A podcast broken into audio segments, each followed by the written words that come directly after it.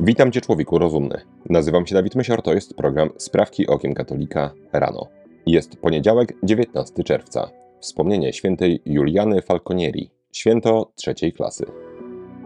Wszystkie sprawy nasze, prosimy Cię, Panie, natchnieniem Twoim uprzedzaj, a pomocą wspieraj, aby wszelka modlitwa i praca nasza od Ciebie się poczynała i przez Ciebie się kończyła. Przez Chrystusa, Pana naszego. Amen. Irlandia. Jak donoszą lokalne media, Irlandia boryka się z coraz poważniejszym problemem migracyjnym. Sprawa jest dla kraju na tyle istotna, że według ostatnich sondaży aż 75% Irlandczyków stwierdziło, że ich kraj przyjmuje zbyt dużo uchodźców. Niezależny irlandzki parlamentarzysta pan Matty McGrath stwierdził, że społeczne niezadowolenie jest tak duże, że rząd nie może tego zignorować. W jednej z jego wypowiedzi czytamy: Rząd musi skonsultować się z narodem w drodze referendum. Chcemy właściwej, otwartej debaty na ten temat. Chcemy nieskrępowanych mediów i nie chcemy, aby groźba mowy nienawiści wisiała nad nami, gdy mówimy o sprawach, które dotyczą naszych rodzin, naszych wnuków i przyszłych pokoleń. Irlandzki rząd nie skomentował dotychczas pomysłu przeprowadzenia referendum. Z pewnością jednak zauważa, że zwolennicy partii, rząd współtworzących, w zdecydowanej większości zgadzają się z istnieniem migracyjnego problemu. Wielka Brytania. Naukowcy z amerykańskiego Uniwersytetu Johna Hopkinsa we współpracy ze szwedzkim Uniwersytetem w Lund opublikowali niedawno badania dotyczące skutków lockdownów, których wszyscy doświadczaliśmy jeszcze 3 lata temu. W publikacji brytyjskiego Daily Telegraph Przeanalizowano pracę naukowców pod kątem liczby ofiar, jakiej udało się uniknąć dzięki lockdownom w Anglii i Walii. Zdaniem ekspertów, pierwszy lockdown miał uratować zaledwie 1700 osób. Co ciekawe, przeciętna tygodniowa liczba zgonów w Anglii i Walii wynosi około 11 tysięcy. Profesor Steve Hanke z Uniwersytetu Johna Hopkinsa powiedział: Modele epidemiologiczne COVID-19 mają wiele cech wspólnych. Wątpliwe założenia, jeżące włosy na głowie prognozy katastrofy, które mijają się z rzeczywistością i niewiele wyciągniętych wniosków. W podobnym tonie wypowiedział się jeden ze szwedzkich naukowców, który stwierdził: Lockdowny miały znikomy wpływ na zdrowie, ale spowodowały katastrofalne koszty gospodarcze, społeczne i polityczne dla społeczeństwa. Najprawdopodobniej lockdowny stanowią największy błąd polityczny w dzisiejszych czasach. Trzecia sprawka to krótka żywotów świętych, dawka. Dziś wspomnienie świętej Juliany Falconieri, dziewicy. Święta Juliana przyszła na świat w 1270 roku we Florencji, szanowanej, zamożnej rodzinie. W podzięce za to tak długo wyczekiwane i wymodlone dziecko, rodzice Juliany sfinansowali budowę kościoła zwiastowania Najświętszej Marii Panny we Florencji. Jako dziecko Juliana kształciła się i ćwiczyła w cnotach. W wieku 15 lat przyjęła z rąk świętego Filipa Benicjusza habit sług Maryi, czyli zakonu serwitów, którego jednym z założycieli był wuj Juliany, święty Aleksy Falconieri. W tamtych czasach niewiele niewiast należało do tego zgromadzenia, ale dzięki cnotom Juliany i pobożnemu życiu wiele dziewcząt zdecydowało się dołączyć do serwitów. Święty Filip niezwykle cenił pobożność Juliany i pragnął, aby kierowała całym zgromadzeniem. Święta Juliana wolała jednak wieść pokorne życie, z dala od zaszczytów i władzy nad innymi. W późniejszych latach zdecydowała się jednak założyć zgromadzenie klasztoru sióstr trzeciego zakonu serwitów, którego została pierwszą przełożoną. Juliana zmarła po długiej chorobie, przyjąwszy w cudowny sposób Najświętszy Sakrament 19 czerwca 1341 roku. Została kanonizowana przez papieża Klemensa XII w roku 1757.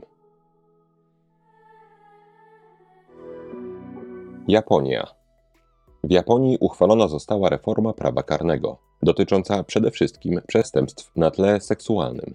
Jak donoszą międzynarodowe agencje medialne, w miniony piątek japoński parlament przyjął nową ustawę zaostrzającą przepisy karne za przestępstwa przeciw seksualności.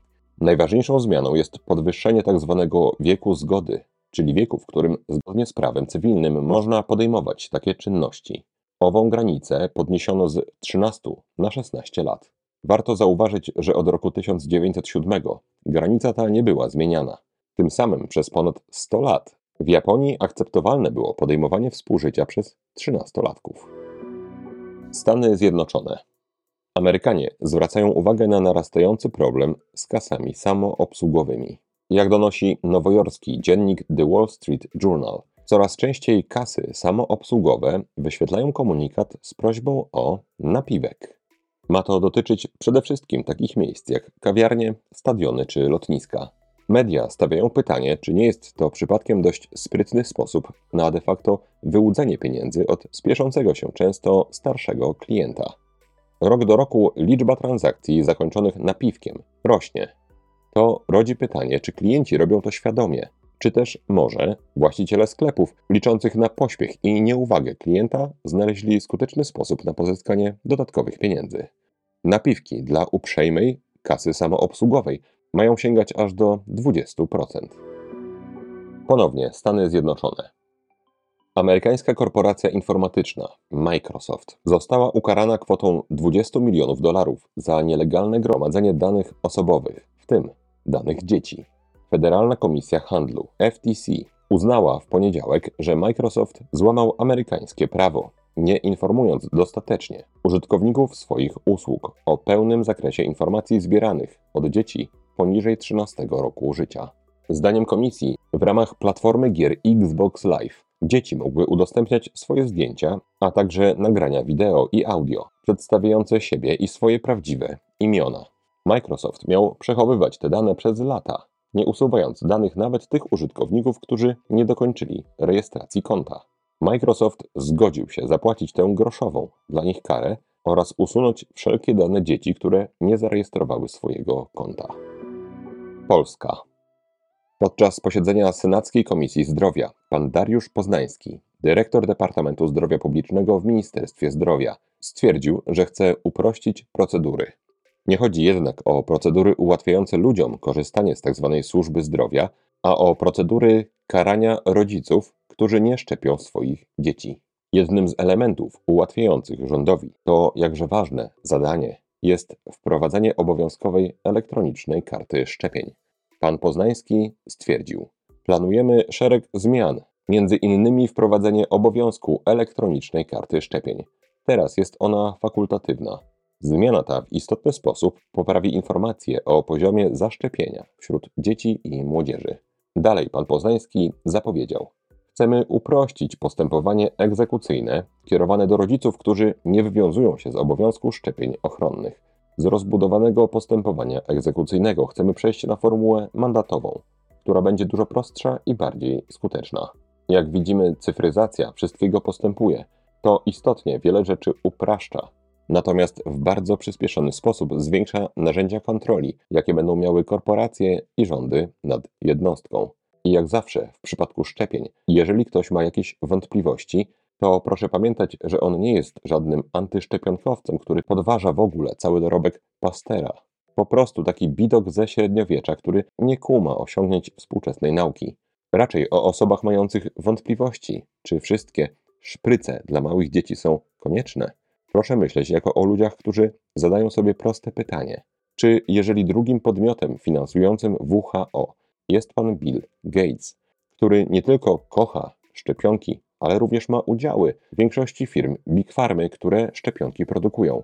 To czy przy układzie, w którym obowiązkowe szczepienie przyniesie zyliardy tryliardów dolarów firmie farmaceutycznej, która na wiele różnych sposobów, nie tylko przez pana Billa Gatesa, jest ożeniona ze Światową Organizacją Zdrowia, powinna decydować Światowa Organizacja Zdrowia. Ponownie Polska. W miniony poniedziałek minister zdrowia, pan Adam Niedzielski, odniósł się do niedawnego błędu medycznego w Nowym Targu, w wyniku którego śmierć poniosła 33-letnia kobieta w ciąży. Przypadek ten jest podnoszony przez środowiska lewicowe i proaborcyjne jako argument przeciwko zakazowi zabijania nienarodzonych.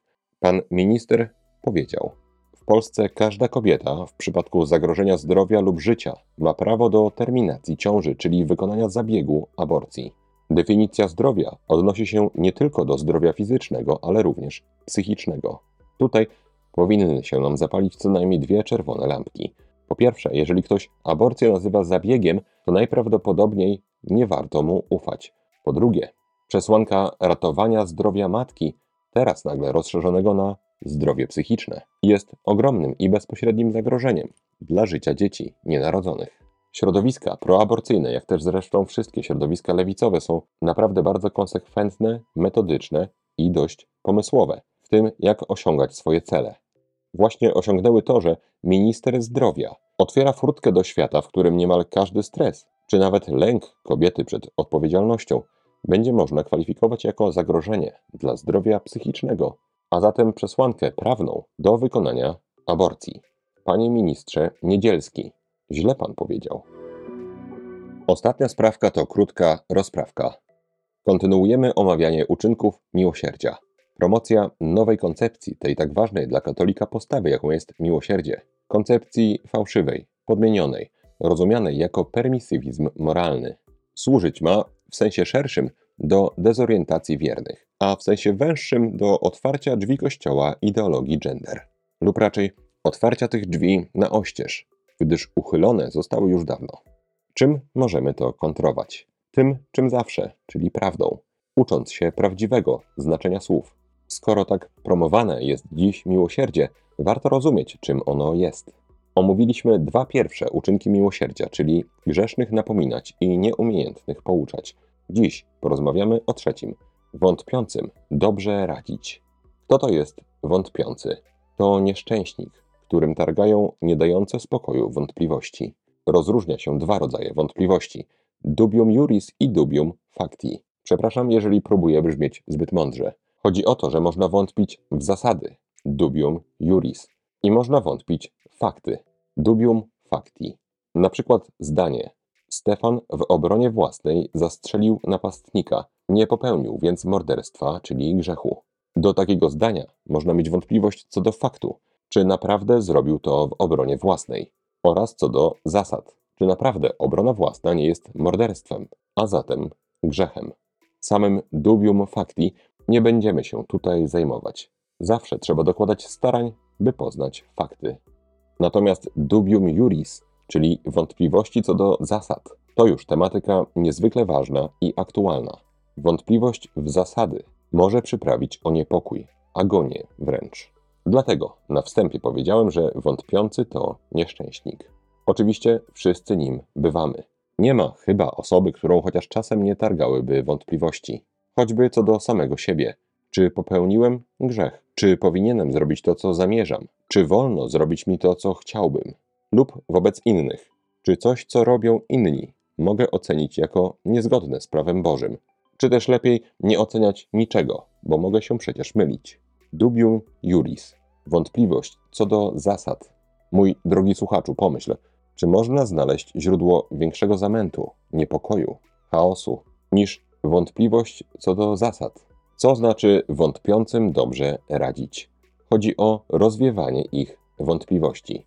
W pierwszej kolejności, jak zresztą przy każdym uczynku miłosierdzia, trzeba koniecznie się modlić. Najlepiej do trzeciej osoby Trójcy Przenajświętszej, czyli Ducha Świętego, ponieważ to On wśród swoich siedmiu darów przynosi dar rady. Najświętszą Marię Pannę nazywa się zaś Matką Dobrej Rady.